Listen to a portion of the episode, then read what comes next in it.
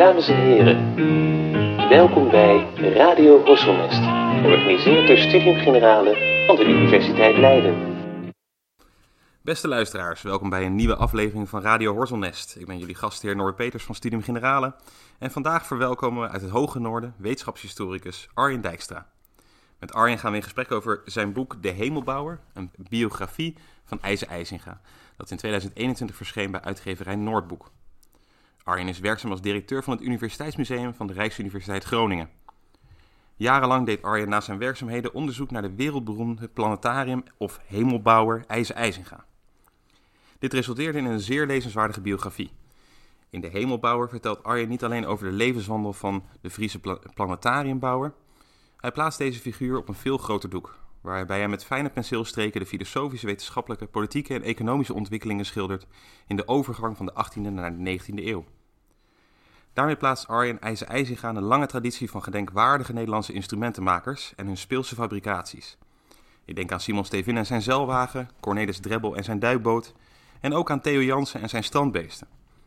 Zeven jaar lang werkt deze wolkammer tijdens zijn snipperuren aan een huiskamerplanetarium, aangedreven door één slingeruurwerk. Na de afronding wordt zijn creatie wereldnieuws.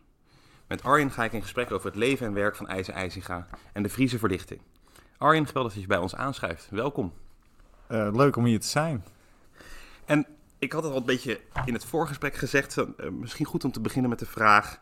Uh, wat was die eerste kennismaking met het planetarium en IJzer IJzinga? Ja, dat, is, dat is echt wel een goede vraag. Er zijn echt heel veel mensen die hebben een heel vroege herinnering aan het planetarium, omdat ze daar met hun ouders of met school zijn geweest. Uh, ja, en uh, het is ook een plek, als je er, zeker de eerste keer dat je er komt, maakt het gewoon diepe indruk. Omdat uh, het planetarium is een kamer, is eigenlijk een helemaal een blauwe kamer. Tenminste, in je herinnering is hij helemaal blauw.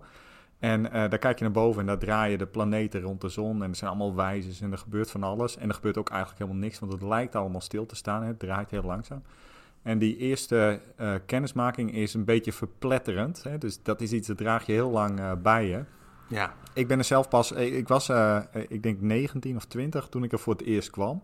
Terwijl ik uh, opgegroeid ben in, in Dokkumen, zeg maar uh, 50 kilometer verderop. Ik ben wel eens naar Franeker geschaatst en weer terug, hè, dus zo dichtbij ah. is het allemaal. Maar dan, nou, ik weet het gewoon nog heel goed. En ik weet ook nog dat ik me, het moment dat ik me realiseerde dat we in Friesland zoiets hadden, het, het, ik geloofde het eigenlijk niet. Ik dacht, dat kan niet, dat er zoiets zo mooi uh, gewoon hier om de hoek is. En dat ik dat eigenlijk uh, binnen handbereik heb. Nou, en sindsdien ben ik echt uh, talloze keren geweest. Ook voordat ik er studie naar deed. Ik ben leraar geweest op een middelbare school en dan ging ik er met klassen naartoe. Maar ook op de universiteit ging ik met studenten wiskunde ben ik er regelmatig geweest. En nou ja, de, uiteindelijk uh, ja, heb ik er heel veel tijd aan besteed, laat ik het zo zeggen. En dat ligt echt in het centrum van, van, van Vraneker. Ja, dat goed ja, dat klopt. Ja. Um, dus uh, je hebt Vraneker, dat is een, uh, een klein barok stadje, zeg maar. Het is een beetje zoals de Hollandse steden, zoals Leiden ja. of, of Woerden, maar veel kleiner. Ja, ja, ja. het, is Echt, het is een soort dorpje in de vorm van een stad, dat kun je ook zeggen.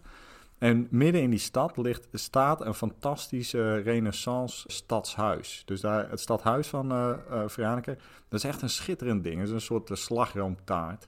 En dan naast die enorme slagroomtaart, hè, daar staat dat, dat kleine huisje met daarin het planetarium. Om de hoek is de kerk en de grote kerk van Franeker.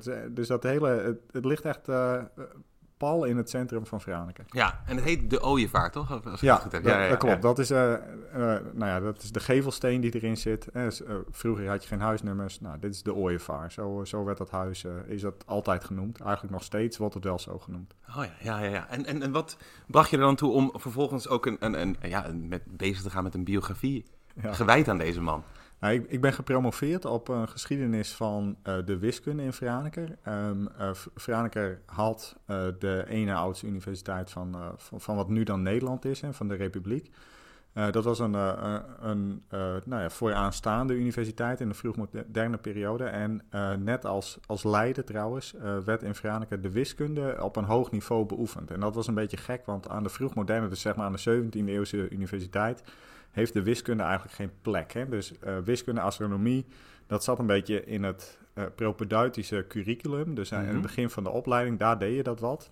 Want in feite was het inderdaad theologie, medicijnen, en, En, en dan, recht. ja, de rechten ja. Ja. en de vrije kunsten. toch? Ja, nee, maar die, die vrije kunsten, of de artes, of de hè, filosofie werd het ook wel genoemd. Dat was de propedeutische fase. Dus dat moest Oh, iedereen ja, doorlopen. En daarna deed je een van die drie hogere faculteiten. En daar studeerde je dan in af. Terwijl dat heette nog niet afstuderen, maar daar hè, ging je dan in verder.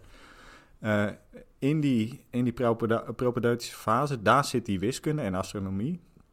Maar in Franeker eerst en al heel snel in Leiden ook, eh, komen ze erachter, ja maar wacht even, daar zitten allemaal praktische toepassingen. En er zijn allemaal mensen die niet medicijnen of rechten of eh, theologie gaan studeren, die daar wat mee kunnen.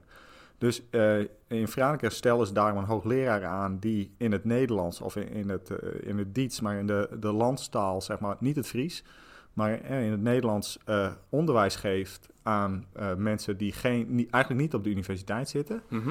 In eh, Leiden krijg je de Duitse mathematiek, hè, dus Duits, hè, Duits Ja, dat betekent Nederlands, waar in het Nederlands dus onderwijs in de wiskunde wordt gegeven. De, de, eh, Leiden kijkt het eigenlijk af van Franeker.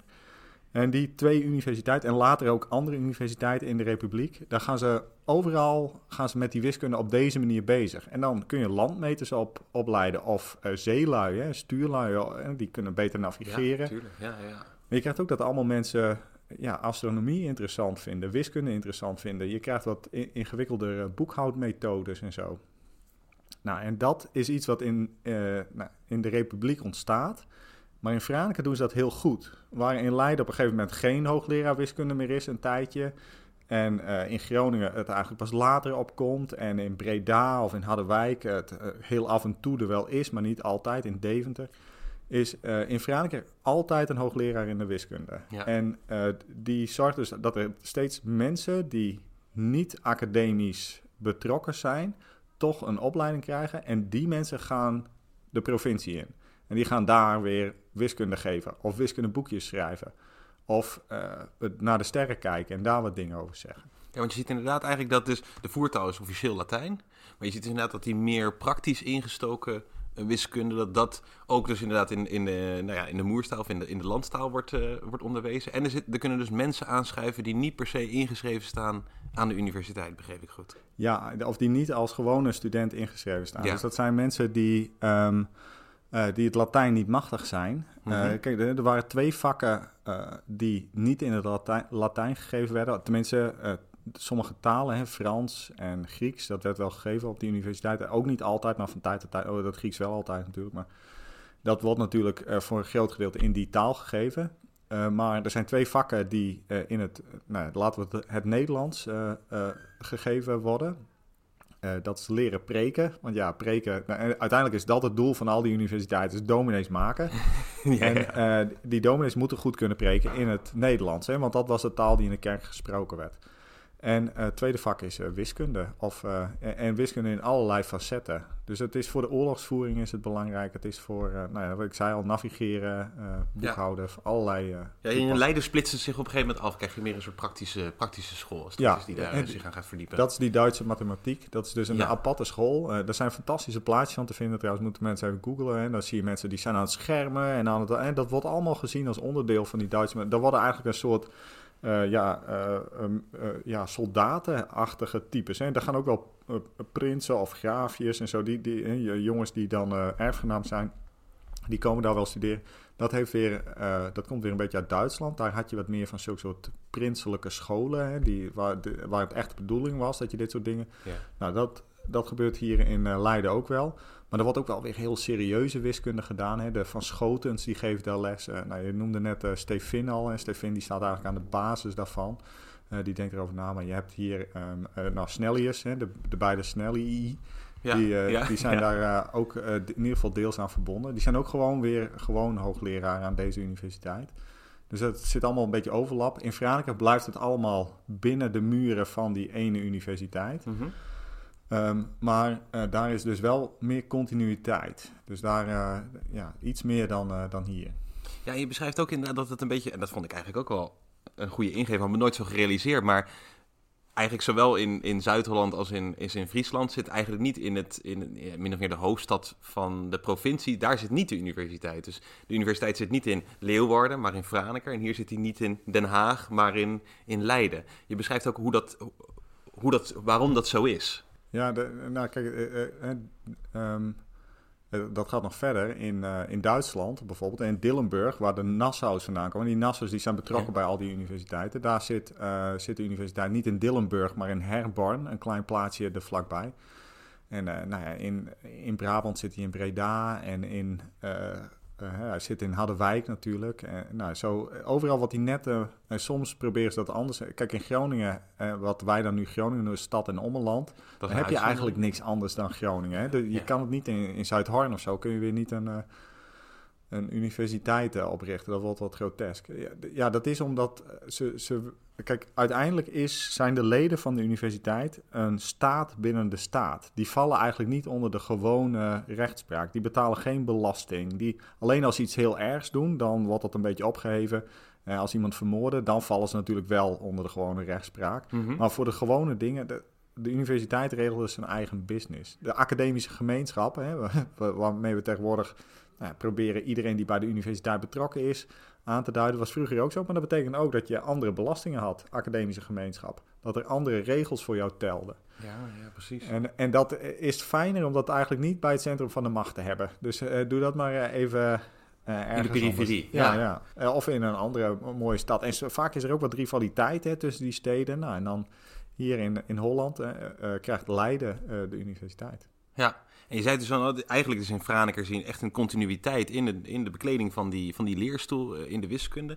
Wat zijn enkele soort vooraanstaande wiskundigen die je dan uh, ja, die, die de universiteit aflevert? De, de beroemdste is zonder twijfel Metius. Die werkt daar aan het begin van de 17e eeuw.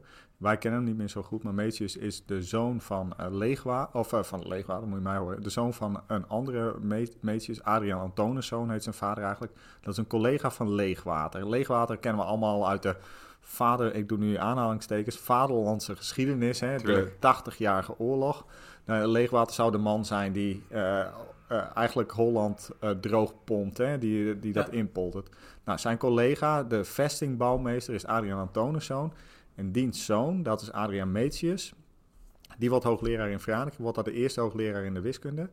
En er is eigenlijk geen wiskundige die zoveel publiceert als deze Metius.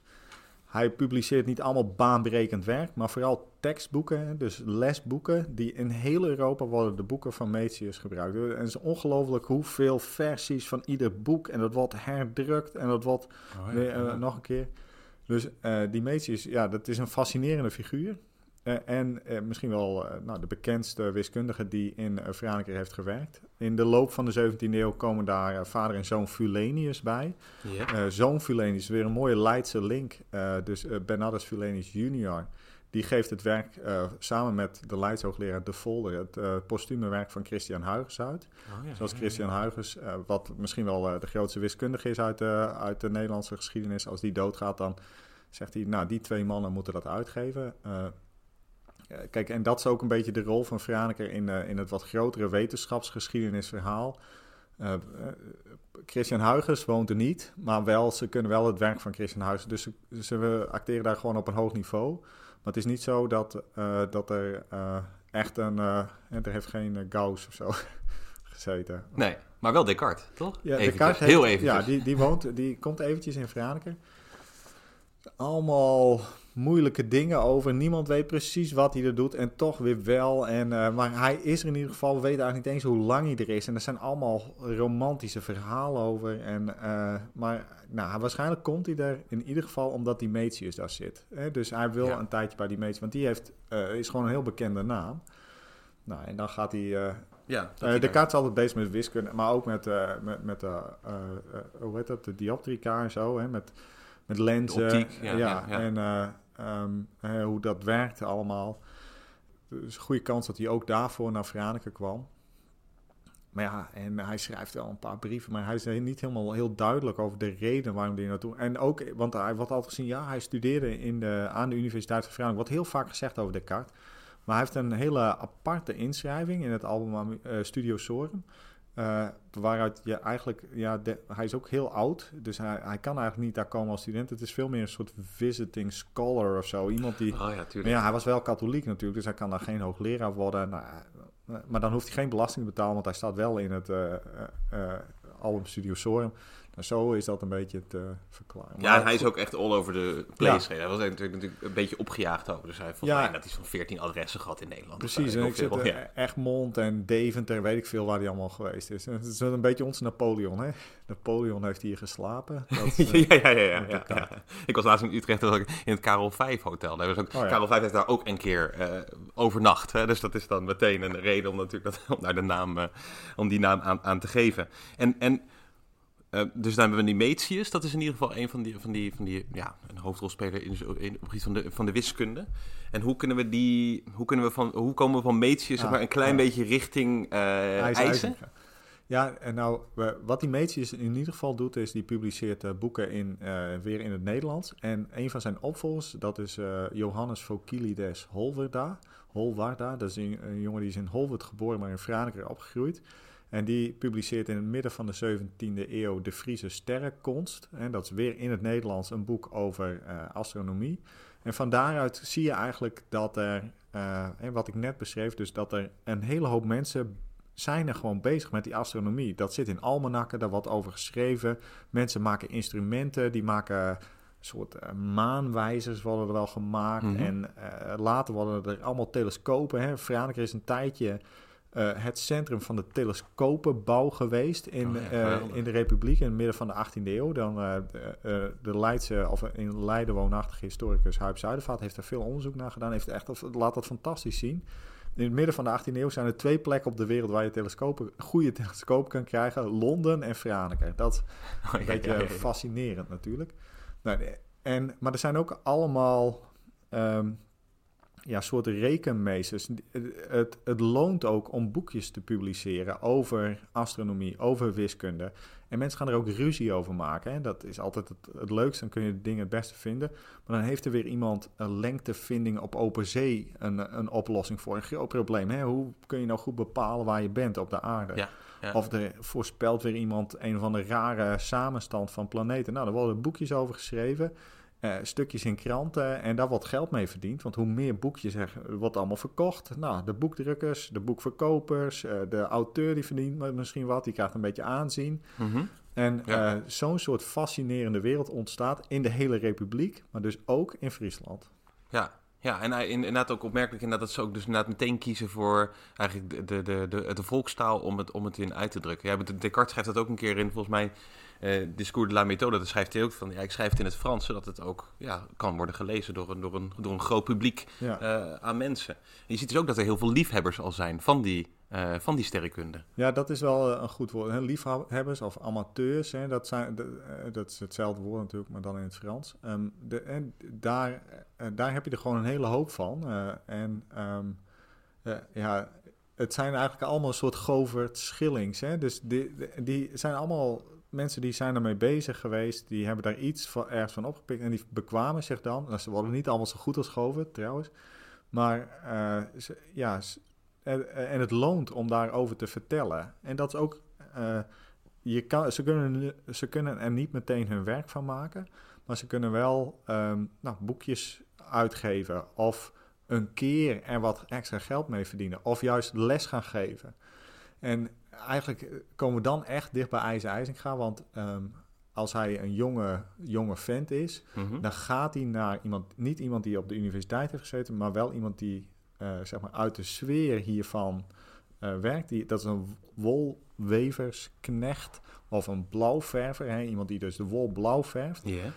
Dat is, die, is dit die Wietse Ja, Foppes? nee, dit is Willem Oh. Wietsers. Oké, oké, ja. Maar hij gaat naar die Willem Wietsers en daar krijgt hij les van. Gaat hij elke week gaat hij met een, een bundeltje papier naartoe en een ganzenveer, zeg maar, een potje inkt. En dan gaat hij daar zitten en dan die Willem Wietsers die geeft iets op op de een of andere manier. Dat doet hij met boeken of met een, ik, weet niet, of, waarschijnlijk heeft hij geen bord, hè, want dat zou wel heel innovatief zijn, denk ik. Maar die geeft eh, aan die IJzinga onderwijs en nou, dan mag hij dus elke week, zijn vader die betaalt daarvoor waarschijnlijk. Nou, en dan krijgt hij opgave en dat neemt hij mee naar huis en dan werkt hij dat uit. En hij werkt dat schitterend uit en dan gaat hij allemaal heel mooi tekenen en opschrijven en zo. En, en dan zie je in die handschriften, die zijn allemaal bewaard, zie je dat IJzinga zich steeds verder bekwaamt in die wiskunde. Dus dat hij gewoon steeds beter en beter daarin wordt. En ja, en dat is echt onderdeel dus van die cultuur die daar al een hele tijd bestaat dan. Ja, die cultuur inderdaad van liefhebbers, van mensen die interesse hebben in Ja. de wetenschap en die eigenlijk in hun vrije tijd ja, zich daarin in, in, in beginnen te verdiepen. En je beschrijft ook hoe, ook hoe de vader van IJzer ook een, een eh, formerende rol heeft eigenlijk in, in die interesse eh, voor, voor nou instrumenten maken, maar ook, eh, ook de, de wiskunde. Ja, het leukste stukje over die vader heeft volgens mij het boek niet gehaald. Maar er is één, ja, er is één beschrijving, dus dat is wel leuk om niet te vertellen. zeker. Er is één beschrijving van die vader dat hij voor elke situatie een andere bril heeft. Dus die, die man die heeft zich helemaal behangen met brillen. En dan moet hij wat lezen, dan heeft hij een bril voor. En dan moet hij iets verder weg, moet hij bekijken, dan heeft hij weer een andere bril voor. En zo, eh, en die vader is daar, dat is dus een beetje een wonderlijke man. Ja. Maar, en, maar die, eh, dan op een gegeven moment is hij eh, eh, kerkvoogd. Dus hij, hij is zeg maar verantwoordelijk voor de financiële huishouding van de kerk. Nou, dan moet het orgel moet, eh, gerestaureerd worden of gerepareerd worden. En dan ziet hij hoe daar, eh daar wordt iemand voor ingehuurd, die is daarmee bezig, dat ziet hij. En dan gaat hij, denkt hij, nou, ik ga zelf een, een orgel maken. Dus dan gaat hij een orgel bouwen. En al, eerder al denkt hij na over een boot. Dan maakt hij een bootje, een klein een galjootsscheepje. Nou, daar, daar kun je zeg maar, eh, dat is ei- eigenlijk een tweemaster geloof ik, maar dan op schaal. Iets klein, groot genoeg om voor twee man om in te varen, maar niet voor twintig zeg maar, of veertig, weet ik veel hoeveel daarin Ja, Zo'n zo'n miniatuur eh, zeilschip eigenlijk. Ja, ja, en, ja. en dan gaan ze daar, gaat hij daar met ijzer, gaat hij daar een beetje zeilen, zeg maar. Hè? En dan iedereen is, eh dan zien we, nou, wat is dat voor een raar ding? En dan eh, allemaal, oh, oh een, een scheepje. Dus die En, en als een soort les, eigenlijk als een soort lesboot ook, Ja, toch? Bedoeld. Ja. dus om, om eigenlijk de, om, alles, te, te leren. alles te leren. Maar het is ook natuurlijk ook, ja, nou, iedereen kent wel zo iemand, of misschien ben je zo iemand, of is je, je moeder zo iemand, of je vader, hè, die, die altijd van die grote projecten beginnen en dat dan ook nog afmaken. Hè? Dat is die vader van IJs IJzinga. Ja, ja, ja, ja, ja. En, eh, eh, maar hij maakt ook, eh, omdat dan komt hij erachter dat die, die jongen van hem, dat hij heel erg geïnteresseerd is in de sterrenkunde. Maakt hij een, een maanwijzer, een of ander eh, een groot instrument, en die zet hij in de tuin. En dan kunnen ze zeg maar de stand van de maan en dan kunnen ze eh, iets aflezen en dan weten ze, nou, eh, zo gaat het met die maan. En ze maken ook een zonnewijzer. Nou, dan zetten ze een zonnewijzer. Nou, dit is dan geënt. En dan weten ze, nou, het is nu drie uur op deze plek. Zulke soort dingen. Dus dit, dit krijgt die jonge IJs IJzinga. Twee dingen. Die krijgt hij met een paplepel ingegoten. Ja. En hier is ruimte voor. Hè. Ze hebben daar geld en tijd voor om dit soort gekke ja. dingen te doen. Ja. want dat is ook een zeer interessante kant die je bespreekt. Want het is wel eens, er zijn, dat beschrijf je ook meteen aan het begin van het boek. Er zijn redelijk wat mythes op een gegeven moment in omloop gekomen over eh IJzer IJzinga. Dat hij eh, helemaal zelfstandig zou opereren als een soort, eh, en ook als een soort genie eh, zou opereren. En dat, en, dat hij eigenlijk helemaal zelfstandig ook die, dat planetarium begint te bouwen. Maar hij beschrijft nu al eigenlijk al inderdaad, hij krijgt eigenlijk wel degelijk lessen in, in, in de astronomie en de wiskunde. Hij heeft een vader die dus een vervent instrumentenmaker, instrumentenmaker is.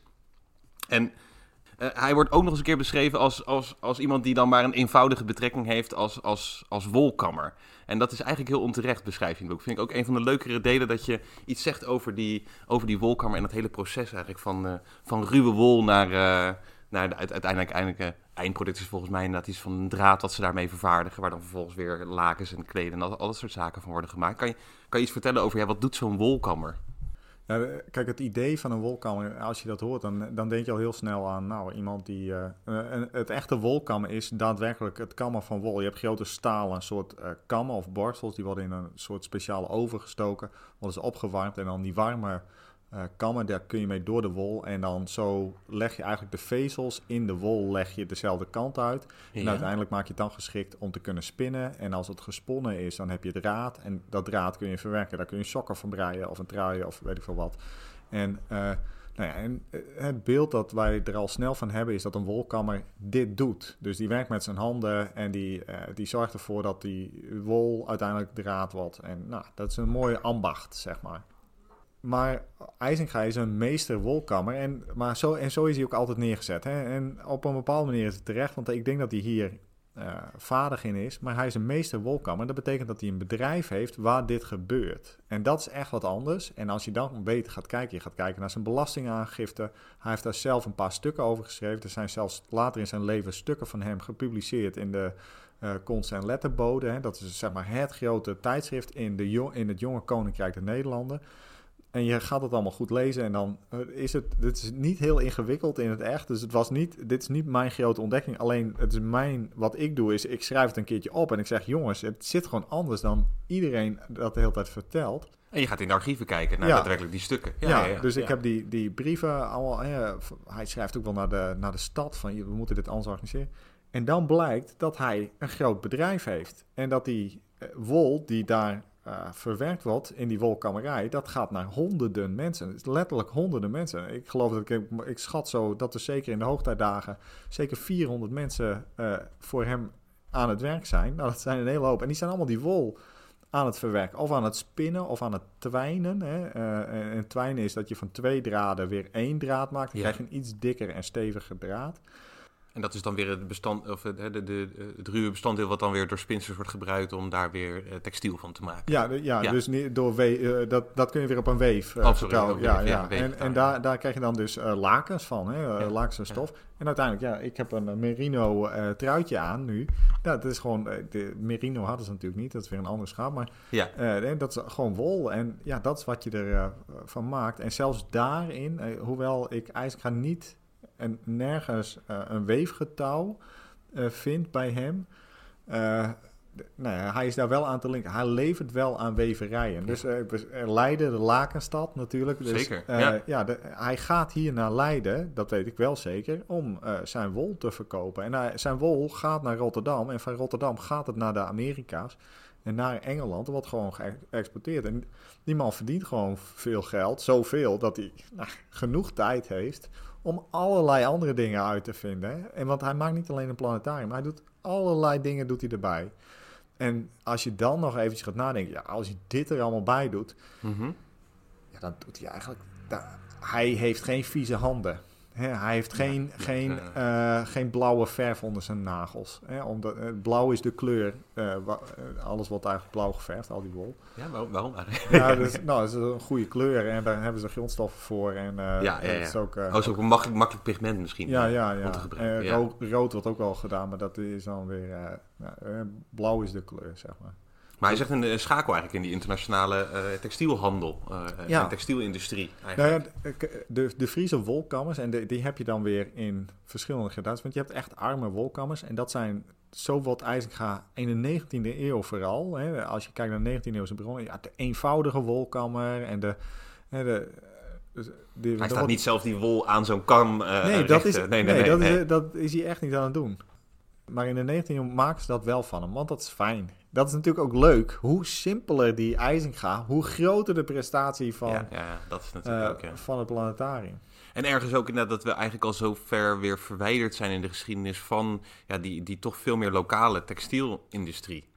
Dus ook, ook hier in Leiden, eh, wat dan inderdaad de, hè, bekend staat als Lakenstad. Maar ook überhaupt in, in, in, in, eh, in de gebieden om de steden en zo. Je moet, ik kan me ook slecht voorstellen, er moeten enorme schapenkuddes toch hebben rondgelopen in al die provinciën. Veel Ja. meer dan nu. Nou, ik weet niet of het meer dan nu. Kijk, eh, tegenwoordig, dat is wel cynisch. wat Nederlandse wol wordt in de fik gestoken. En dat verbranden we. Daar doen we niks meer mee. Dus al die schapen die je ziet. dat vind ik altijd heel ingewikkeld wat we precies met schapen doen. Ja, Want we eten niet heel veel schapen, hoewel dat wel iets meer gebeurt eh, in Nederland. Maar, maar de wol die scheren we eraf en die vinden we niet goed genoeg. En die steken we gewoon in de fik. Ja, dat wordt verbrand in uh, afvalovens geloof ik zo. Of hè, er wordt dan een beetje elektriciteit mee opgewekt. ja bizar. Ja, dat slaat echt helemaal nergens op. Eh, eh, wat, eh, het is veel goedkoper om die wol in Australië, want daar eh, is alles gericht op de productie van wol. En eh, nou, dat gebruiken we dan. Maar eh, in de 17e, 18e eeuw zijn er echt wel veel schapen. Maar schapen zijn ook hele leuke beesten voor boeren om te hebben. Want die zijn, eh, schapen zijn ontzettend sterk. Dus die kun je, eh, en daar klaagt IJzinga ook wel over. Want eh, hoe sterker het schaap, hoe minder goed de wol. Dat is een beetje tenminste zijn theorie. Ja, En die schapen worden dan, hè, heb je een stuk weiland en nou, dat is helemaal leeggefroten door de koeien. En weet ik veel, is er nog een keer wat opgezaaid. Ik, ik weet het niet precies, maar dan wordt er dan nog even een kudde schapen opgezet. die eten het Ja. laatste, Ja, ja, de en- laatste planten en zo. eten Ja, die die, dus zoals we ze tegenwoordig op de dijken zetten en zo. Nou, eh, en- IJzinga wil natuurlijk mooie schapen, die heel mooie wol, want dat is voor hem als wolkammer, produceert hij dan gewoon een beter product. En eh, daar is hij wel heel erg mee bezig.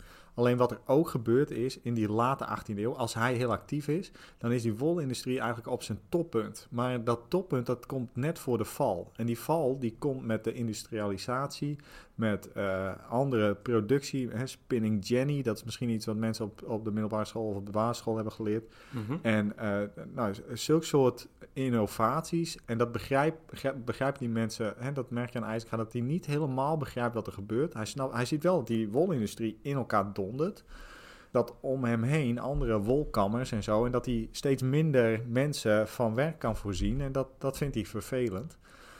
Uh, maar hij maakt zelf dan weer niet, dat is tenminste voor zover ik dat uh, kan nagaan, echt de stap naar uh, dat hij zelf gaat industrialiseren. Dus het is niet zo, hij noemt zijn werkplaats is wel een fabriek, hè, zo wordt dat genoemd. Mhm. Het fabriek.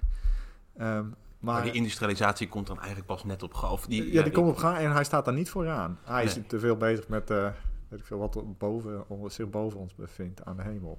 Ja, ja, ja, ja, daar is hij dan vooral mee Ja. bezig inderdaad. Ja, natuurlijk, ja. Maar niet, niet minder vond ik het wel heel aardig dat je ook die context erbij wil. Inderdaad, ook een beetje voor die, dus inderdaad die ontkrachting van het is maar een eenvoudige wolkammer. Nee, hij is eigenlijk gewoon, nou ja, hij heeft gewoon kapitaal. En hij heeft, een, hij heeft eigenlijk een heel goed lopend eh, bedrijf. Nou, eh, de- daar vroeg je net ook al naar eigenlijk. Dat kleine huisje waar dat planetarium in zit, dat staat bam naast het stadhuis. Hè? En eh, eh, naast het stadhuis staan natuurlijk niet de goedkope huizen Nee, van de nee, stad. Daar staan, ja, daar staan de dure huizen. ja. Ook al is het klein, het is wel eh, de aanloop. eh, eh, ze weet dan nooit zo goed of dat nou het duurder of goedkoper maakt. Want het is aan.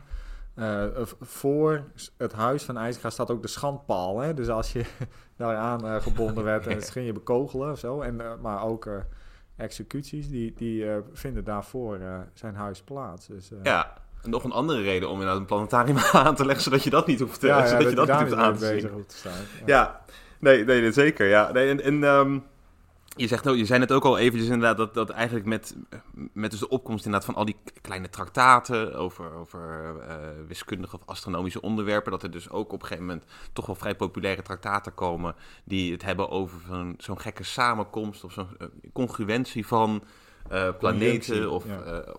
ja, of een conjunctie, sorry. Ja. Niet congruentie, een conjunctie van planeten. Ja, concurrentie Eh, zit ja. in de teksten. Ja, ja, ja, ja. Nee, ja, dat, dat, of, dat is eigenlijk een berichtje in de krant. Dat, dat zie je ook mooi hoe nieuws zich verspreidt. Er is iemand eh, in de buurt van Dresden. Daar zit ook een soort eh, boer, een heel beroemde boer, met heel veel geld. En die heeft een fantastische bibliotheek. En die doet allemaal astronomische dingen. Dat is natuurlijk ook niet iemand die met een schep op het land staat, stront op de schep of zo. Echt Dat een herenboer. Ja, ja, ja, een ja. manner, hè? Dus een, heer- ja, een beetje dat. Maar die man die, eh, doet, eh, die, die, die berekent, oh hé, hey, er is een eh, conjunctie. Dus dat, het- en een conjunctie is een samenstand van planeten. Maar dat is een schijnbare samenstand. Dat is heel belangrijk voor het verhaal. Eh, een samenstand, als wij aan de hemel planeten bij elkaar zien staan, Mhm. dan betekent dat niet dat ze in het echt bij elkaar staan. Hè? Dus eh, als je dan uitzoomt en je gaat er van bovenaf opkijken, dan staan ze helemaal niet bij elkaar. Terwijl dat misschien als je weer eh, terug gaat naar de plek op de aarde waar het aan de hemel staat, dan staan ze misschien in een soort rijtje. Dat Ja. betekent vooral dat ze in hetzelfde sterrenbeeld staan. Dus in hetzelfde stukje van de hemel. Nou, daar wordt een soort, dat wordt aangekondigd in de krant en dan begrijpen mensen dat niet. En dan is er een van die wiskundige instrumentmakers, Wietse Foppers. eh, die schrijft daarover, die zegt ja, en eh, de, de- nou, dit is wat er aan de hand is. Deze planeten die komen bij elkaar te staan. En het zou kunnen zijn dat dat, dat wat invloed op elkaar heeft. Want het zijn grote lichamen en misschien eh, die, die, dat die eh, elkaar... Dat is gewoon heel, heel eenvoudig Newtonianisme. Hè? Newton, eh, grote lichamen trekken elkaar aan. Ja. Dus dat dat een beetje wat beweging veroorzaakt. Ja. Ja. Of in ieder geval de aarde niet onberoerd laten. Ja, Zoals ja, bijvoorbeeld ook een eb en vloed eh, met de maan. Of Ja, ja de, de maan die trekt inderdaad het water aan. Nou, dat, nou, en eh, op basis daarvan is er weer iemand anders. En eh, dat blijkt veel later, of ja, in die tijd weet ze het waarschijnlijk ook wel, maar er is weer iemand anders die schrijft een boekje eh, en die zegt van, nou, dit zou wel eens het begin kunnen zijn van het einde der tijden. En daar, die, dat is echt een hartstikke leuk pamflet. Weer heel Newtoniaans, dus eigenlijk best wel, nou ja, het gaat over de wetenschap eh, van Ja. de 18e eeuw. En die schrijft allerlei, nou, die heeft allemaal ideeën. En dat, dat vermengt hij met een soort, ja, eh, religieus wereldbeeld. Waarin hij stukken uit de Bijbel, wat heel gebruikelijk was, citeert. En zegt, nou kijk, en het einde der tijden wordt zo aangekondigd. En dit is wat we nu zien uh, te gebeuren. Dus misschien zou dit wel eens het begin kunnen zijn met dat we...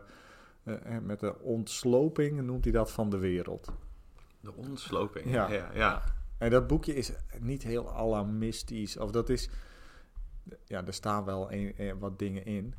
Maar wat er dan vooral gebeurt is dat zijn uitgever, die ook de belangrijkste Friese krant uitgeeft, de Leeuwarden Krant, uh, die wil eigenlijk uh, geld verdienen en die kondigt het aan met, nou, er komt nu een pamflet en uh, daarin staat dat de wereld vergaat. Ja, en dan raakt iedereen een beetje van de kook. Hè, Krijg je dan ook van die, van die doomsday preppers, zoals je ja, die ja. ook in, in, de Verenigde Staten krijgt, die dan zo'n silo laten ingraven in de grond en zo. Ja, en... daar, daar gebeurt iets grappigs, want in de 18e eeuw wordt dat wel gezegd, dat je een beetje doomsday preppers krijgt. Maar um, in de archieven is, is er eigenlijk niks over terug te vinden. Of heel weinig. Hè? Dus ja, er zijn wel mensen een beetje, oh, nou, wat gaat er gebeuren? En uh, uh, wat er in ieder geval gebeurt, en de, want er is van alles over geschreven, maar is dat de staten van Friesland, die de soevereine macht, en die, hebben daar, die verbieden dit boekje tot de dag van die conjunctie. Dat vind ik altijd super grappig. Zeggen ze, nou, dat boekje, we wilden van het gezeur af, dus dat ja. boekje is verboden tot 8 mei 1774, ja, ja. want dat is de dag van de conjunctie. Dan mogen we het gaan verkopen, want dan zullen we, hè, ik bedoel, dan bestaan we nog wel, maar dan hebben we al... Ja. al ja, nee, ja, precies. Ja, want dat maakt het toch niet meer uit. Want als dan het allemaal doorgaat, dan is het prima. Dan is er toch niks gebeurd. En als het aan, tot een einde komt, dan, nou ja, dan, dan zei dat zo. ja, ja. Maar uiteindelijk, waar het op, wat, wat ze doen, wat het resultaat hiervan is, is dat er allemaal astronomie wordt gedaan. Dus er worden tekeningen gemaakt van wat betekent dat nou, die conjunctie. Dus er is iemand die laat mooie tekeningen maken. En dan zie je heel duidelijk dat eigenlijk over ons hele zonnestelseltje, hè, dat die planeten heel ver uit elkaar, op, op zijn verst bijna uit elkaar staan. Dus dat het allemaal, dat hele idee dat het zich extra aan, aantrekt of zo, dat is allemaal, dat het een beetje kul is. Dat blijkt al heel snel. En ze gaan ook op die ochtend, want het is ochtends vroeg, om een uurtje of zes zie je dat het best op 8 mei staan ze daar uh, met z'n allen. Die, die boel, daar zijn hele mooie tekeningen van gemaakt. Het is, mensen zijn niet bang. En uh, als ik jou wil uitleggen dat, uh, hoe dat werkt, dan nou, kun je dat met een tekening echt heel mooi en heel goed doen. Ja, dus je tijd dat er een hele, gewoon een hele leven, levendige discussie is, ideeënuitwisseling is, maar ook een controle is. ja ja, op eigenlijk ja, op wat er zo al wordt beweerd op astronomisch vlak. Ja. Want dat zie je natuurlijk eigenlijk, ik vond het eigenlijk wel grappig, want je beschrijft inderdaad in die mythevorming van ijzer ijzer gaan, zijn er eigenlijk een beetje twee pijlers op te noemen. Je hebt aan de ene kant meer de romantische mythe, uh, meer door de romantiek ingegeven, namelijk ijzer ijzer als, de, als een soort, uh, ja, ja, daar hebben we het al een beetje geha over ja, gehad. Hè? Ja. De, de eenvoudige wolkammer die, ja. die iets heel groots maakt. Ja. En, dit is dan, en de tweede lijkt eigenlijk meer ingegeven door een soort ja, verlichting uh, ideaal. Hè? Dat, dat je inderdaad, uh, uh, er zijn vanuit een soort religieuze dogma's zijn er allemaal alarmistische berichten over, over astronomie. En dan daar komen dan die, de meer verlichte wiskundige astronomen en die, en die vagen eigenlijk al dat soort, al dat soort beweringen van de kaart. Ja, en, en dat is uh, onzin. Ja, het ja. is gewoon klinklare onzin. Want, en, en dit is inderdaad precies het beeld dat ontstaat. Dus, oh, de, de slimme, de coole IJzer IJzinga, die uh, neemt het op tegen de kerk en zo. De, dat is allemaal zo ontzettend overtrokken. En het wordt, en in de loop van de geschiedenis is dat maar erger en erger geworden. En uh, voor mij echt wel een eye-opener was dat ik in het Fries Museum, het grote museum van Friesland, daar was een kleine display over IJzinga. Daar stond bij, en uh, IJzer, IJzinga redt de wereld. He, dus dat het niet alleen maar was van hij moet uitleggen wat er gebeurt, maar hij is zelfs de wereld aan het redden met zijn planetarium. Ja. Nou, en, uh, het wordt dan geschetst alsof, het, alsof zijn planta planetarium een antwoord is eigenlijk op, ja. die, op, die, op, de, op dat bericht over het einde der tijden. Hij zal het gaan maken om te laten zien, dat, kan, dat, dat is helemaal niet het einde der tijden. Of, ja. of iets dergelijks, toch? Ja. En als, als je dan teruggaat naar de bronnen, wat voor een historicus altijd uh, een goed idee is natuurlijk, terug naar de bronnen, dan blijkt dat er uh, één, er was altijd één regeltje in het eerste boekje over het planetarium, daar stond iets in. En ik heb dan uh, een brief erbij gevonden. En vooral die brief, dat is wel heel erg telling. Want daar staat in, het is een fantastische Franse brief. Uh, en daar, daar staat in van, nou ja, de reden dat we dit prachtige planetarium hebben, komt door een waarzegger. Want er was namelijk een waarzegger die had voorspeld dat de wereld zou vergaan. Daar wordt dat al heel erg een beetje overtrokken. Ja. En onze wolkammer, of nee, onze Vroetman, hè, dus onze IJs IJzinga, die keek in zijn tabel en die zag, nou, we hebben niks te vrezen. Maar toen dacht hij, nou, de wereld vergaat niet, dan heb ik alle tijd. Dus dan kan ik wel een planetarium maken. Dat is, het is een soort grapje, hè? Een soort, Ja, ja, ja. ja. eh, dit heeft wel wat indruk gemaakt. Het verbieden van een boek was een serieus iets, hoor. Dat was niet zomaar iets dat... Maar eh, dus die hele episode rond 8 mei 1774... en er zijn nog een paar van die episodes, die Ja. beschrijf ik in het boek ook... ja, ook kometen inderdaad die Ja. langskomen. Eh, ja. en, en dan gaan ze met ze, doen ze een biddag en dan is het eh, of eh, de grote aardbevingen in Lissabon. Hè, Ja, en ja, ja, dat is ook interessant inderdaad. Dat, Dat dat, speelt daar allemaal, eh, speelt allemaal een beetje mee. Die wordt nog natuurlijk beschreven door Voltaire in Candide, toch? Ja. De, de grote, ja, de grote dat, ramp. Ja. dat, dat is eh, voor heel Europa is dat een hele grote. eh en had ook wel inderdaad een, enige invloed op, ehm, op, op, op religieuze denkbeelden. Althans, voor Voltaire wordt het natuurlijk inderdaad een soort aanwijzing van... ja, we leven niet in een, een best mogelijke wereld waar God het goed met ons voor heeft. Nee, er zijn allemaal verschrikkelijke rampen gaande. Ja. Nou, de, en zulke soort grote filosofische vragen wekt het deg- wel degelijk op. Op het dagelijks bestaan van mensen zal dit heel weinig invloed hebben gehad. De- nou, misschien is de. We zitten nu eh, in een paar weken in de oorlog eh, in Oekraïne. Heel erg. Dat houdt ons allemaal ontzettend bezig. Maar op mijn dagelijkse gang van zaken, anders dan dat ik de hele dag zit te doomscrollen op mijn telefoon, Ja, ja, heeft, ja. het, heeft het heel weinig effect. Hè? Ik ga gewoon naar mijn werk en eh, corona is wat dat betreft trouwens wel weer wat anders. Maar ik wil niet allemaal grote filosofische bespiegelingen doen. Eh, wat je in ieder geval ziet is dat ehm, bij IJzinga, bij dat planetarium, dit was een soort grapje. Het was een soort uitleg, een soort...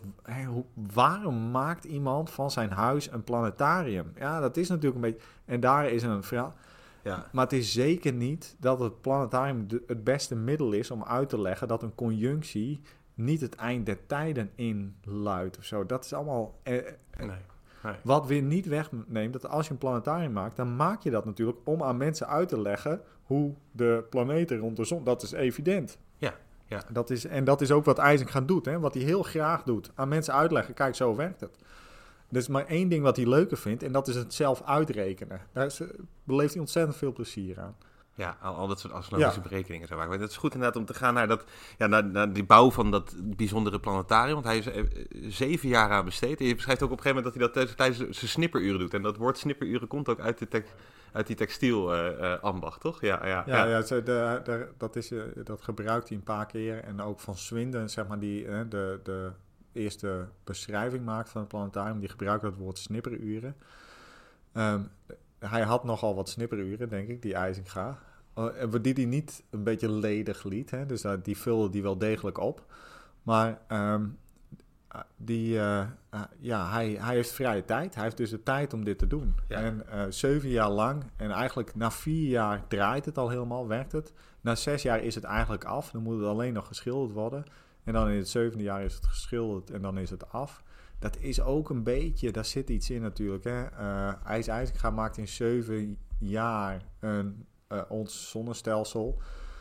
Eh, en dat loopt. God die maakt natuurlijk in zeven dagen de wereld. Hè? Die maakt het echte zonnestelsel. Dat zit er een beetje Dat- in ja, hoor. Want, ja, ja, want kijk, dat scheelt. En in het achtste en negende jaar gaat hij nog weer aanpassingen doen. En dat zien we nooit als de bouw van het planetarium.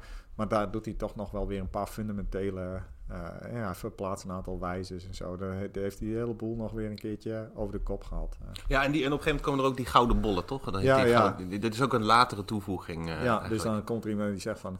Nou, als je nou eens een draad aanhangt aan die zon en aan die aarde... dan kun je nog bij... Oh, wat leuk. En dan hangt hij die twee... Die echt iconische gouden ballen inderdaad. Hè? De, met de zon en de aarde die daaromheen draait... die zie je in het midden van die kamer hangen. Ja, ja dus, want je zei het inderdaad al even, dus het is eigenlijk niet eens zo'n heel erg groot huis. Je ziet ook inderdaad, eh, nou ja, als je het zou opzoeken online of je gaat erheen, dan zie je ook inderdaad dat je echt de, bed, de twee eh, eh, bedsteden hebt. En, en dan, dat is het, of dat is ook meteen dan in de woonkamer. En dan zit het inderdaad in het, in het plafond. En dan heb je een, een, een, een- natuurlijk een binnenwerk en een buitenwerk. Zou je iets kunnen vertellen over dat binnenwerk? Hoe, hoe, hoe werkt dit? Hoe heeft hij dit vervaardigd? Ja, dus en wat je ziet aan de ene kant is, is die blauwe kamer. eh, maar daarboven en daarachter, daar zit een hele grote klok met hele grote tandwielen. Met heel veel spijkers, met bijna 6000 spijkers en, eh, en, en, en tanden en zo. En eh, dat wordt allemaal, hè, dat zitten allemaal die tandwielen, die, dat zijn soms massieve schijven van wel 50 centimeter doorsnee of zo. Dat wordt allemaal door zijn vader uh, vervaardigd op een draaitafel. Zijn vader maakt speciaal hiervoor een draaitafel en daar worden die, dat wordt allemaal met de hand aangedreven. Dus er worden al die tandwielen op gedraaid. Uh, en hij, laat, hij maakt nog bestek voor een, voor een klok. Dus hij gaat naar een uurwerk maken. Die maakt zeg maar de, de kern van dit ding.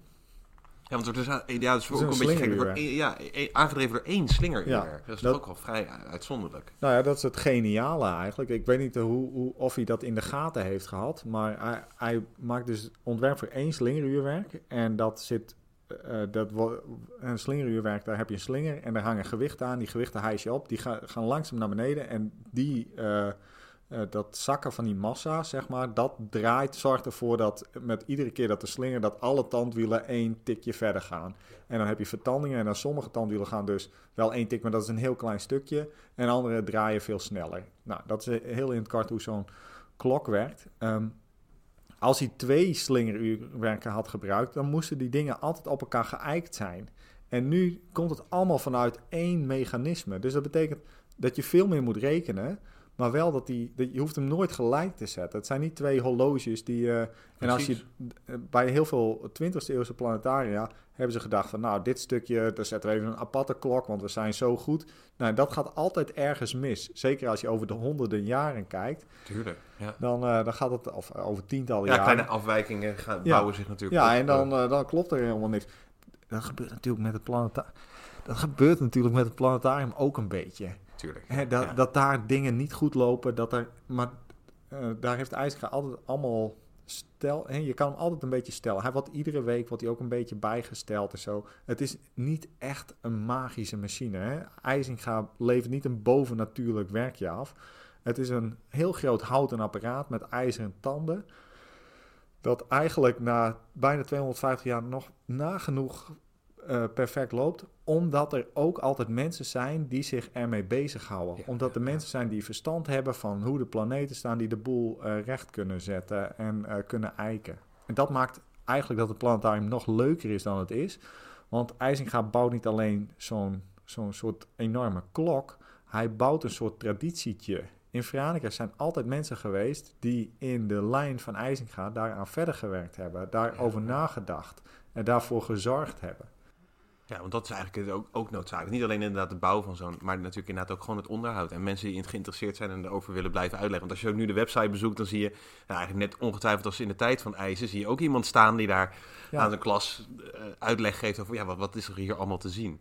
En dan, want je zei het al, eigenlijk lijkt alles stil te staan uh, in, in dat planetarium. Dus er is een slingeruurwerk, dat is aan het tikken. Dit is echt heel tof, want dit is iets wat... Uh, COVID, het is allemaal vervelend. Corona, allemaal rotter geweest. ik ben zelf directeur van een museum. Echt verschrikkelijk, hè. We hebben onze... vorig jaar hadden we een derde van onze bezoekers nog over. En dan hebben we echt iedereen meegeteld. Dat was echt, echt dramatisch. En voor het planetarium tellen hetzelfde soort dingen. Maar afgelopen winter was er geen bezoek. En toen hebben we een paar keer een aantal camera's neergezet die timelapses hebben gemaakt. En dat betekent dat we drie of, of twee of drie of vier dagen hebben we daar een camera neergezet. En die maakte dan iedere minuut of iedere zoveel minuten één foto. Ja. En opeens voor het eerst zien we niet dat slingeruurwerk bewegen, dat zie je wel. Hè? want die slinger die eh, gaat uh, uh, 80 keer per minuut heen en weer, geloof ik. En, of nee, weet ik zeker.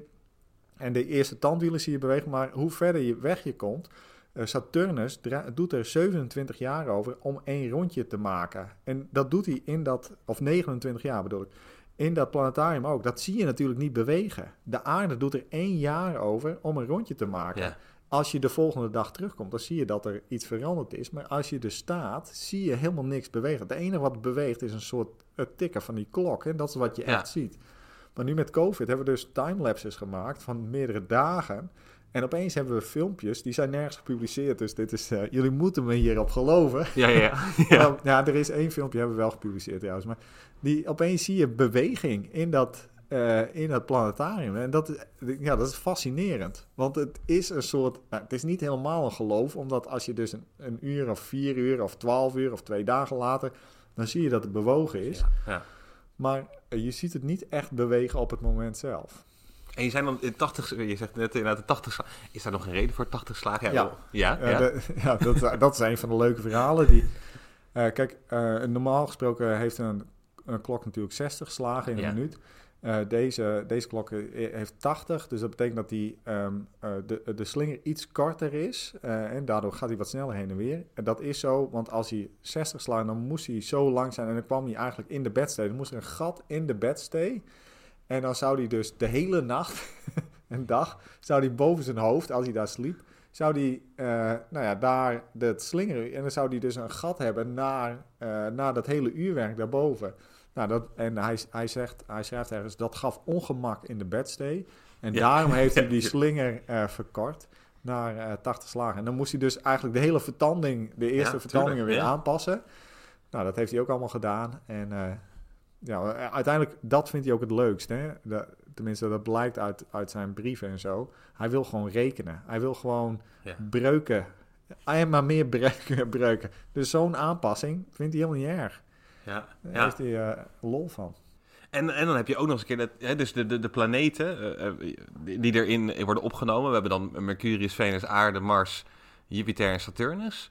En dan is er nog raar iets met dat Uranus. Ja, Uranus, eh, eh, ehm, in de 18e eeuw komen er steeds betere telescopen. En aan Mhm. het eind van de 18e eeuw is Herschel, een, een Engelse astronoom, die doet allerlei ontdekkingen. Uiteindelijk ontdekt hij veel meer, maar die ontdekt in 1780, dus eh, 1781, op het moment dat het planetarium net klaar is, Uranus.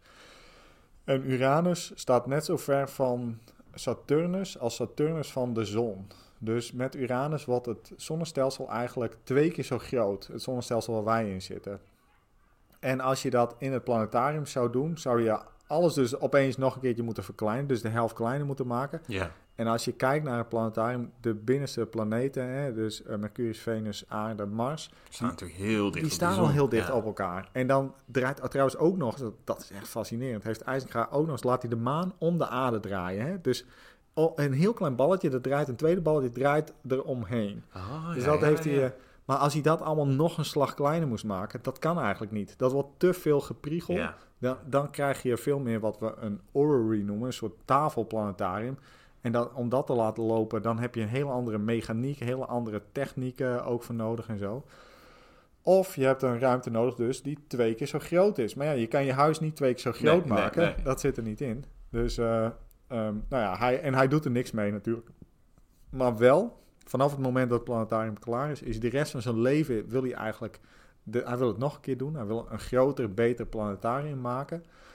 En daardoor de loop van de tijd komt hij daar met andere oplossingen. De ene keer zegt hij, ja nee, maar we moeten een planetarium maken met zeg maar de zon en dan de aarde daaromheen en dan de buitenste planeten.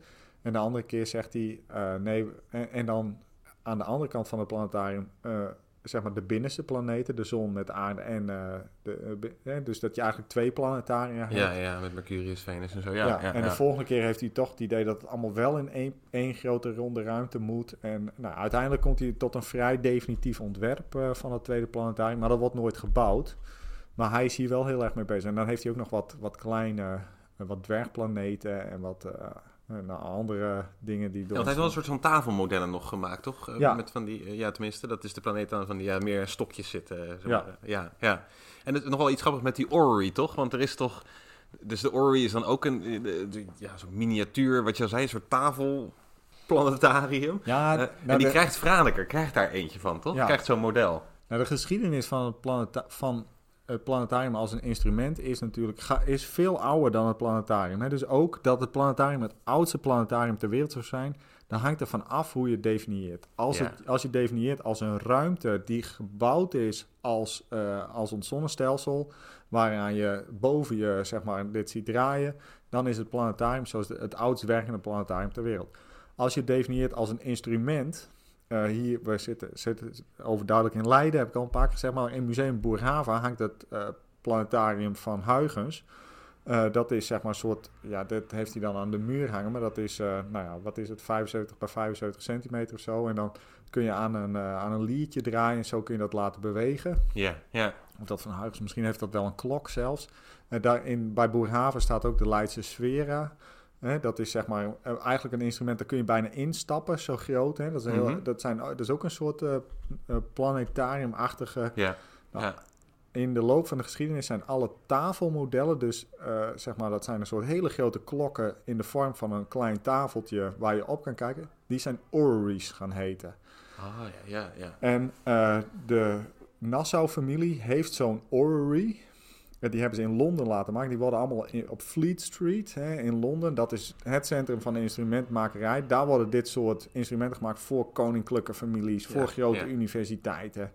Dus eh, de Engelse koninklijke familie heeft die dingen en weet ik veel wat. En nou ja, de eh, Anna van Hannover, hè, die, die, die komt daar vandaan. Dat, die, die trouwt met Willem V.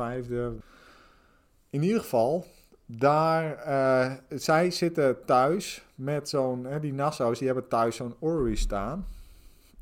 En eh, in eh, 1785 bestaat de Franeker Universiteit 200 jaar. Nou, dan moet een feest gevierd worden, een groot feest. En eh, daar zal Willem V eh, komen. En hij heeft dus in, in eh, familiebezit heeft hij eh, zo'n orrery. En eh, hij wil, eh, Willem V is onderweg naar Franeker, maar er is allemaal gedoe. Dit is de patriottentijd. En dan durft hij, op het laatste moment, durft hij niet naar Franeker. Want hij is bang dat hij daar vermoord gaat worden, Ja, of weet ik veel. Dat, ja. of wat ook. Ja, ja. Dus wat doe je? Nee, dan stuur je je vrouw en kinderen, zeg ik altijd. Dus hij stuurt zijn vrouw en kinderen, die gaan er naartoe. Die zijn bij de festiviteiten. Nou, dat verloopt allemaal, eh, het is allemaal grimmig en toch ook weer niet. Het is eh, vrolijk en gezellig en uiteindelijk is het allemaal voorbij. En dan een paar weken later, op een zondagochtend, arriveert er een kist in Veraneke. eh, een mooie kist en eh, niemand weet eigenlijk precies wat het is. Nou, er wordt opengemaakt en daar blijkt nog een planetarium in te zitten. In de stad van IJs-IJzenga wordt een, eh een orrery bezorgd het orrery van de Nassau-familie. En die komt in de bibliotheek van de Universiteit van Franeker te staan. Zo, met een briefje erbij van de ritmeester of zo van Willem V. Van nou, wij denken dat de universiteit hier wel iets aan heeft. Aan dit, aan deze plan, aan dit planetarium. Of dit, deze orrery. Ze, nou, ze weten ook niet zo goed hoe ze dat woord moeten gebruiken. Dus nog een hele geschiedenis over te schrijven.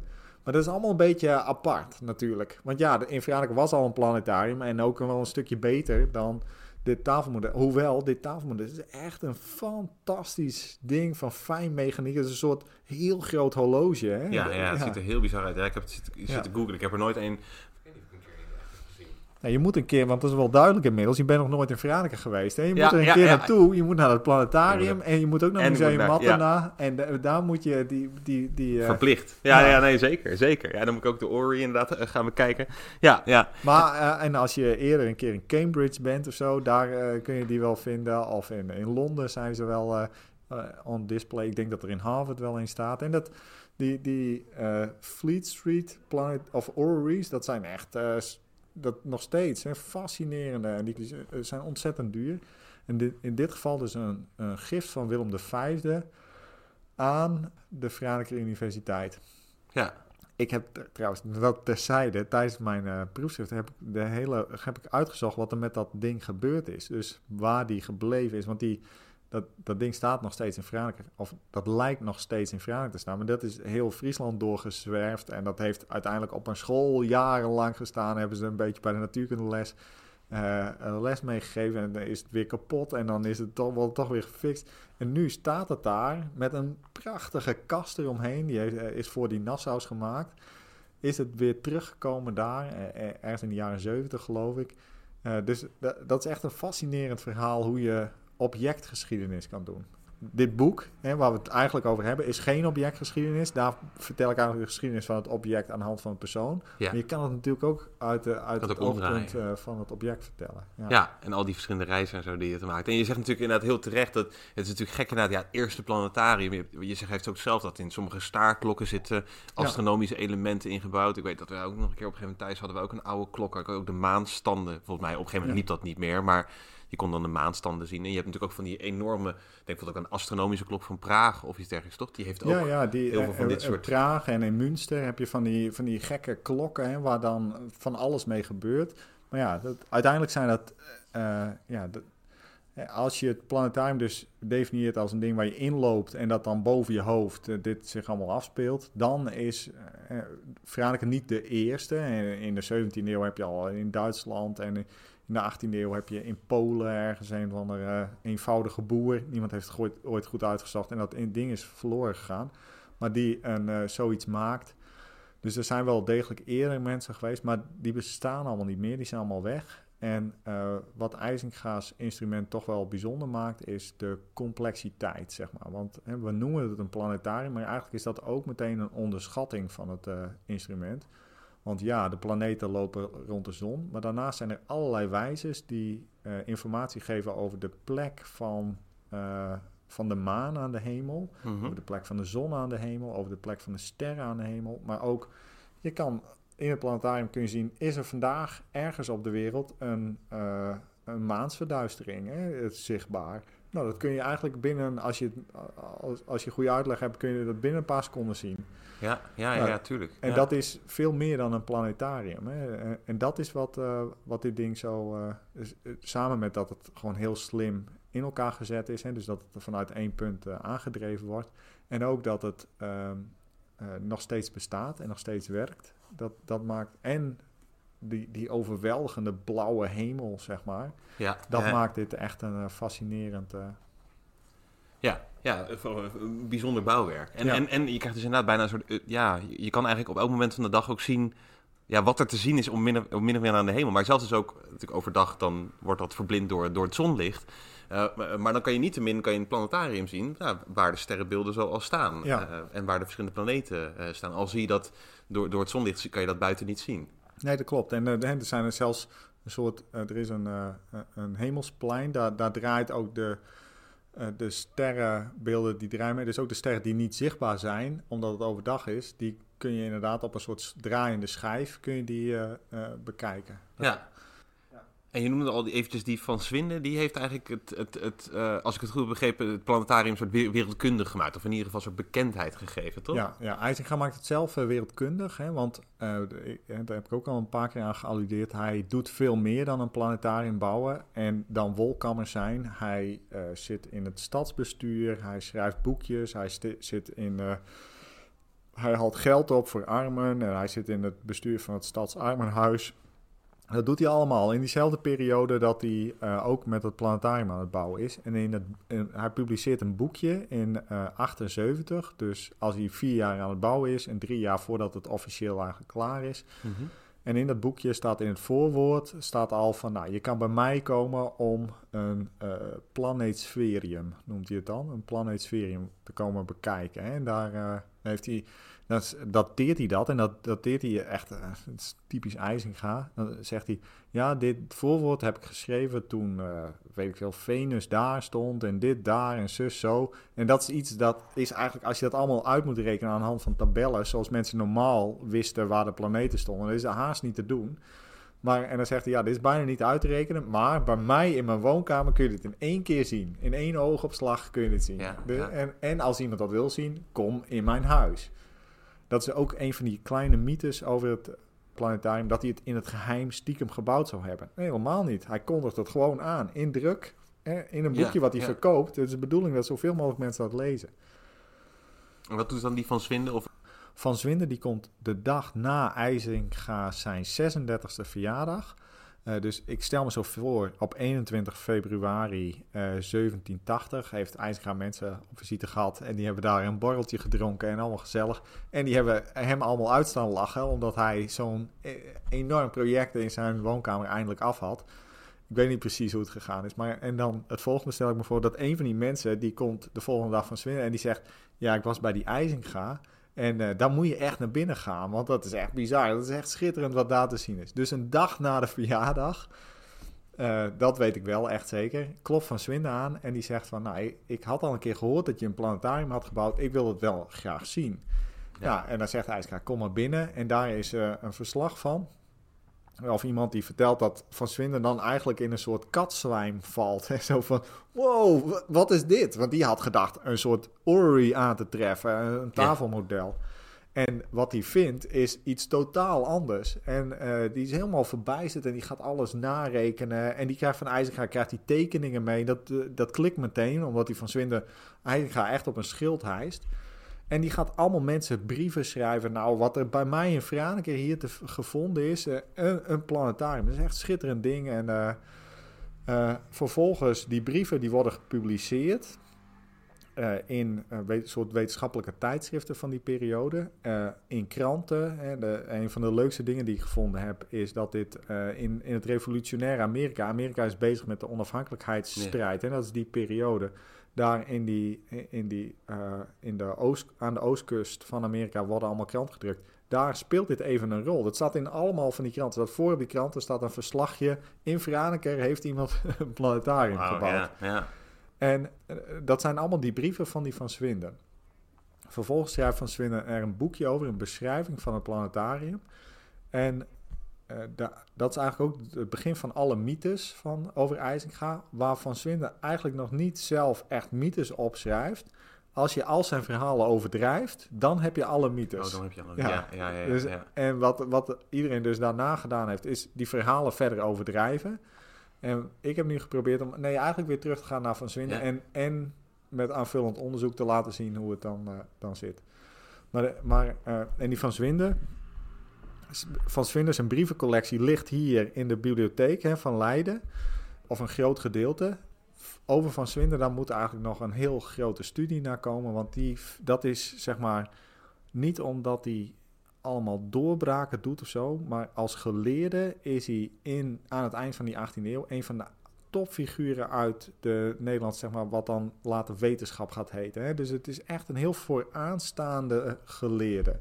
Die is op dat moment nog hoogleraar in uh, Franeker. Later zal hij naar Amsterdam gaan. Er is nog geen universiteit, maar daar uh, uh, gaat hij aan het Atheneum werken. Ja, en is hij betrokken bij ja, ja. Felix Meritus. Maar die van Zwinder, die, en die zit in de metercommissie, hè, dus de commissie die de eerste meter vaststelt. De, en, de Parijse meter. Ja, ja, ja. toch, in welke kerk zit hij nou? Er zit ergens in een kerk hebben ze die. Ja, maar er zijn ook wel, uh, waarschijnlijk hier in Leiden is ook wel ergens iemand te vinden met zo'n meter. Hè? Dat is een soort staaf en dat is dan een meter. En in Amsterdam heb je dat ook wel op in maar hij zat inderdaad in de commissie die eigenlijk een soort beslissen van... oké, wat, wat, wat is de, de, ja. de, Parijse meter in ieder geval heet het dan... maar uh, wat is het de meter? De meter. Uh, ja, ja, ja, gewoon om die lengtemaat over meerdere landen vast te zetten. Ja, hè, dat is natuurlijk allemaal zeg maar, op de vloedgolf die na de Franse revolutie komt... als Frankrijk eventjes een, een Europees rijk wordt. En Van Zwinder die adviseert later ook Lodewijk Napoleon... en ook weer koning Willem I... Uh, hoewel, die, nou, dan is het allemaal weer wat anders. Van Van Zwinden is een heel groot archief. Waarin je kan zien met wie die allemaal geschreven heeft en wat er allemaal gebeurt. En nog nooit. Er hebben wel mensen boekjes over hem geschreven en artikelen en zo. Soms heel goed, soms heel slecht. Uh, ja. Maar naar Van Zwinden zou eigenlijk uh, een mooi project en een fantastische biografie over geschreven kunnen worden. want ja, dan krijg je inzage in nou ja, hoe die hele Europese wetenschapswereld werkt of zo. Ja. Of, of wat we op dat of hij moment... is daar in ieder geval een sleutelfiguur. Ja, of hij ja. zou een sleutelfiguur daarin kunnen zijn om daar, om daar zicht op te krijgen. En niet omdat het een soort uh, een Nederlandse Newton is of zoiets. Maar veel meer omdat hij dus... Uh, nou ja, hij, er komen allemaal lijntjes bij hem samen. En hij zet ook weer allemaal lijntjes uit. En dan komen er ook nog heel veel bekende gasten in het, in het, uh, in het planetarium. Ook een beetje door, door... Ja, doordat hij dus zelf wereldkundig maakt, maar ook dus door die van Swinden. Ja, die van Swinden. En dan is er nog iemand, hè, dat is Petrus Kamper. Dat is ook een groot 18e-eeuws geleerde. Uh, die woont op dat moment op Klein Lankum. Dat is een, een landgoedje vlak buiten Franeker. Daar komen ook nog weer allemaal uh, geleerden bij op bezoek. En die twee, uh, Van Swinden en Petrus Kamper, nemen, slepen allerlei mensen mee naar dat planetarium. En het krijgt dan ook een beetje, het krijgt ook een naam. Hè. Een van de leuke verhalen is dat, uh, daar heb ik ook weer allemaal voorstellingen bij die nergens op gebaseerd zijn, anders dan. Het verhaal is dat na een week na het bezoek van een gezelschap of zo, hoort IJzinga, ja, dat gezelschap, daar zat de Zweedse koning bij. Dus de Zweedse koning die komt incognito, tenminste dat is het verhaal, op bezoek in het, uh, in het planetarium. Dus ik stel me voor dat er een man met een grote zonnebril en een sjaal staat. ja, een beetje ja, op de achtergrond. Grote regenjas Ja, ja. Ja, ja. Maar- die inderdaad een beetje heel, die heel gebrekkig Nederlands kan. Ja, ja. Yes, very good. Ja. Nee. Maar in het echt zal het gewoon een, uh, een gezelschap edelen zijn geweest. En waar die koning gewoon eh, in, het, eh, in het middelpunt staat. Alleen ze zeggen niet dat het de koning is, maar ze zeggen dit is een belangrijke buitenlandse gast. Ehm, eh, de, uiteindelijk komt ook de eerste Nederlandse koning, hè, koning Willem I, die komt op bezoek.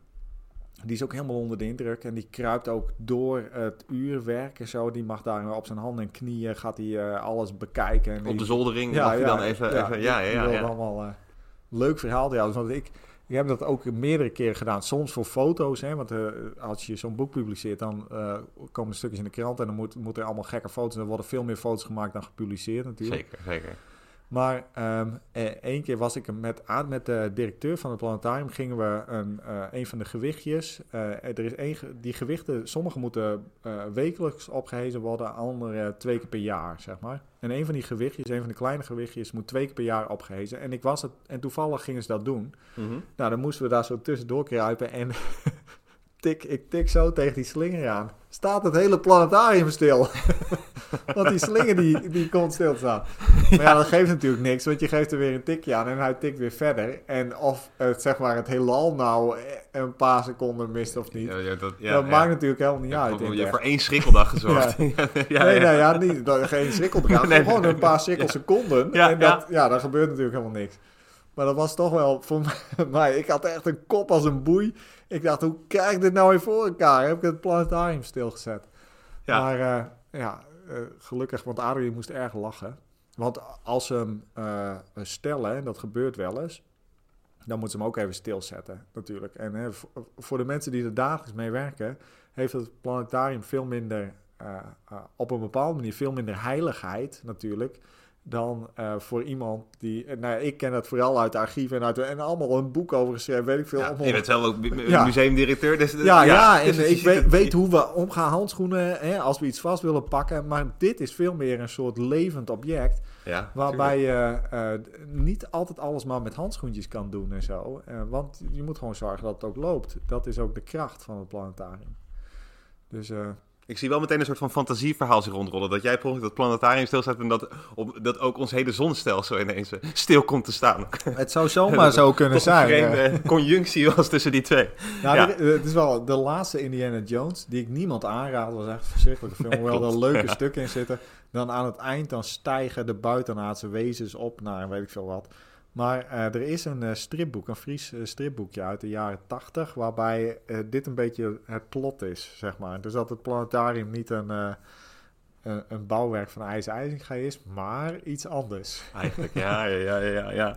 En, en misschien wel afsluitend de vraag aan jou. Van, eh, eh, want je zei het inderdaad al even over dat archief van Van Swin. Ik weet niet of je daar jezelf op gaat storten, maar wat is eigenlijk jouw volgende, jouw volgende grote project? Ja, dit, eh, de, eh, ja, je, je hebt me gemaild vooraf met wat vragen. Hè, en of ik hier eh, op, op wil antwoorden.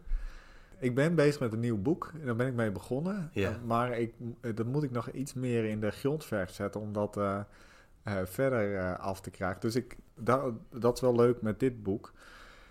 Kijk, ehm, waarom ben ik hier nou mee begonnen? Acht jaar geleden schreef ik voor Geschiedenis Magazine. Hè. Ik was net gepromoveerd en ik was vol ambities. Ik wil wetenschappelijk artikel eh, schrijven en zo. En ik schreef ook, ik dacht ik moet ook het publiek eh, blijven bereiken. Dus voor Geschiedenis Magazine schreef ik een eh, stukje over het planetarium. Dat daar wel eens wat beter onderzoek naar gedaan mocht worden. Want ik had wel in de gaten dat dat allemaal niet heel wetenschappelijk was gebeurd. Nou, en toen kreeg ik eigenlijk een, een telefoontje van het planetarium. En dat kwam erop neer, jij met je grote bek, hè, doe het maar zelf. Eh, de- naar, maar dat was een heel leuk gesprek, werd dat natuurlijk. En ze nodigden me uit en toen zeiden ze, nou, wat leuk dat je interesse toont, wil je het niet doen? Toen hebben ze me ingehuurd als een soort postdoc. Hè, de, dus ze hebben die- wat geld geregeld zodat ik tijd vrij kon Mhm. maken. En ik heb een rapport geschreven en dat rapport is onderdeel geworden van het nominatiedossier van het planetarium om werelderfgoed te worden. Planetarium zit midden in het proces. Eh, er is nu dit voorjaar een formeel, door de Nederlandse regering, een formele nominatie gedaan. Wij willen dat dit werelderfgoed wordt, op de UNESCO-lijst komt. Ja. En dat duurt dan een jaar voordat dat zover is. Nou, in dat rapport zit eh, mijn, eh, in dat hele dikke rapport zit mijn rapport over het verleden van IJzer IJzinga. Maar, zei ik erbij, ik beloof, ik ga ook een, eh, een dinges, een biografie schrijven. En die biografie, dat, eh, dat rapport al, maar die biografie, dat is een soort, eh, ik dacht, ja, eh, het is IJs IJzinga. Het is niet zo dat ik hem helemaal verheerlijk. Volgens mij doe ik dat niet. Ik maak Nee. er niet larger than life. Volgens mij breng ik hem juist terug tot menselijke proporties. Maar wel, ieder, er zijn zoveel mensen die hier wat van vinden. En er zijn zoveel mensen die in hun jeugd daar zijn geweest en aangeraakt zijn. Eh, er zijn allemaal grote eh, literatoren die hebben hier hè, Cees Notenboom die beschrijft het plan, weet ik veel wie. Iedereen. Robert Dijkgraaf, eh, als hij moet zeggen wetenschap in Nederland, neemt hij een televisieploeg mee naar het planetarium. André Kuipers, die begroet je als je daar binnenkomt. Ja, Dus ik dacht, ah, en dat werd maar in mijn hoofd groter, groter en groter. Tot ik, eh, nou ja, ook weer tijdens COVID eh, dacht, het is now or never. Hè, ik moet het gewoon nu gaan doen. ja. En toen heb ik me een paar weken, heb, uiteindelijk heb ik het in een paar weken geschreven. Ik heb me een paar weken soort van eh, half opgesloten, half gewerkt, maar gewoon echt dag en nacht aan het werk. En dan heb je opeens een boek geschreven. Nou wil ik met mijn volgende boek, wil ik eigenlijk niet weer in die vervelende stresssituatie komen. Dus in, met het volgende boek, waar ik toch alweer een groot onderwerp te pakken heb, wil ik eigenlijk dat ik iets met iets meer zelfvertrouwen in het proces zit. En dat ik, eh, eh, eh, ik, ik moet wel ergens in zo'n, ik hoop wel dat ik in zo'n situatie kom waar ik, dan kan ik echt heel hard werken, echt dag en nacht typen en eh, nou, daar heb, ik- beleef ik heel veel plezier aan. Maar, ehm, dus ik hou het nog een Ja, tuurlijk. beetje- Even onder de pet. Nee, maar dat is, dat, ja, nee, maar en, en, en, en heel terecht. En ook trouwens heel herkenbaar dat zo'n, ja, zo'n, hoe zo'n onderwerp kan exploderen. Ik het kan wel nou dat je langs een bepaalde naam komt en dat je in eerste instantie denkt, nou, dat is heel onbekend. Niemand kent ook die naam. En dan ga je inderdaad graven en zoeken. En dan merk je gewoon dat zelfs over de meest, ja, eh, ja zelfs over, over, over kleinere historische figuren kan al een enorme stortvloed aan literatuur eh, bestaan. Wat je dan allemaal moet uitpluizen. En dan al die archieven in de zaal. Ja, maar ik vind het, een, ik vind het eh, zeer geslaagd. Dus ik hoop zeker dat we je in de toekomst nog een keer kunnen uitnodigen eh, met, met het volgende project dat je, waar je mee bezit bent. Dat lijkt me ontzettend leuk. In ieder geval bedankt. En ook de luisteraars thuis, dank voor het luisteren. En tot de volgende keer. Dit was weer een aflevering van Radio Horselnest. Dank u voor het luisteren.